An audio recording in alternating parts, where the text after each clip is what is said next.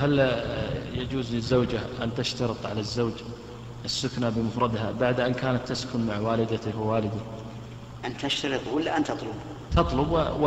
و... بين فرق أن تشترط هذا عند العقد أن تطلب أحسن عليك. أي أن تطلب. وهل له أن يحقق طلبها؟ إذا إذا كانت الزوجة اشترطت عند العقد أن لا يسكن أن لا يسكنها مع أهله والتزم بالشرط وجب عليه الوفاء بذلك.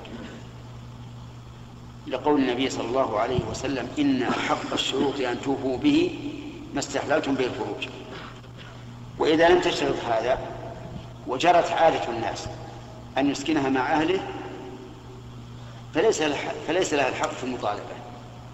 لأن هذا هو العرف.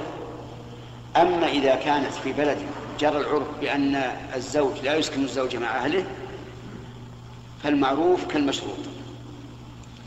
فمثل نحن عندنا الآن جرت العادة أن الزوج يرحل ب نعم يسكن زوجته مع أهله لكن هناك طائفة كبيرة من المجتمع يعرف الناس أنهم إذا تزوجوا سوف يجعلون لها مسكن خاص.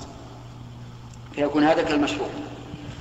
بقينا فيما إذا كان لم يكن هناك شرط ولا عرف وسكنها مع أهله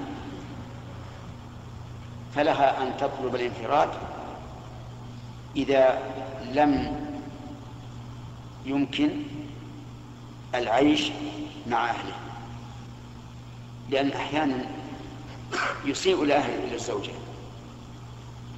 إساءة بالغة لا سيما إذا رأوا أن الزوج يحبها تجدهم يسوون إليها وينفرونها من البقاء معه.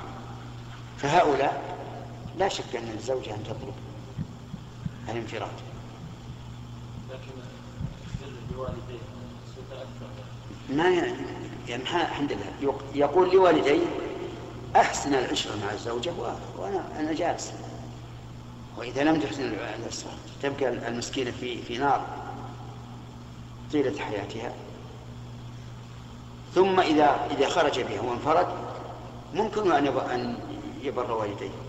يأتي إليهما في الصباح في المساء عند الحاجة يبقى عندهما يوما وليلة حسب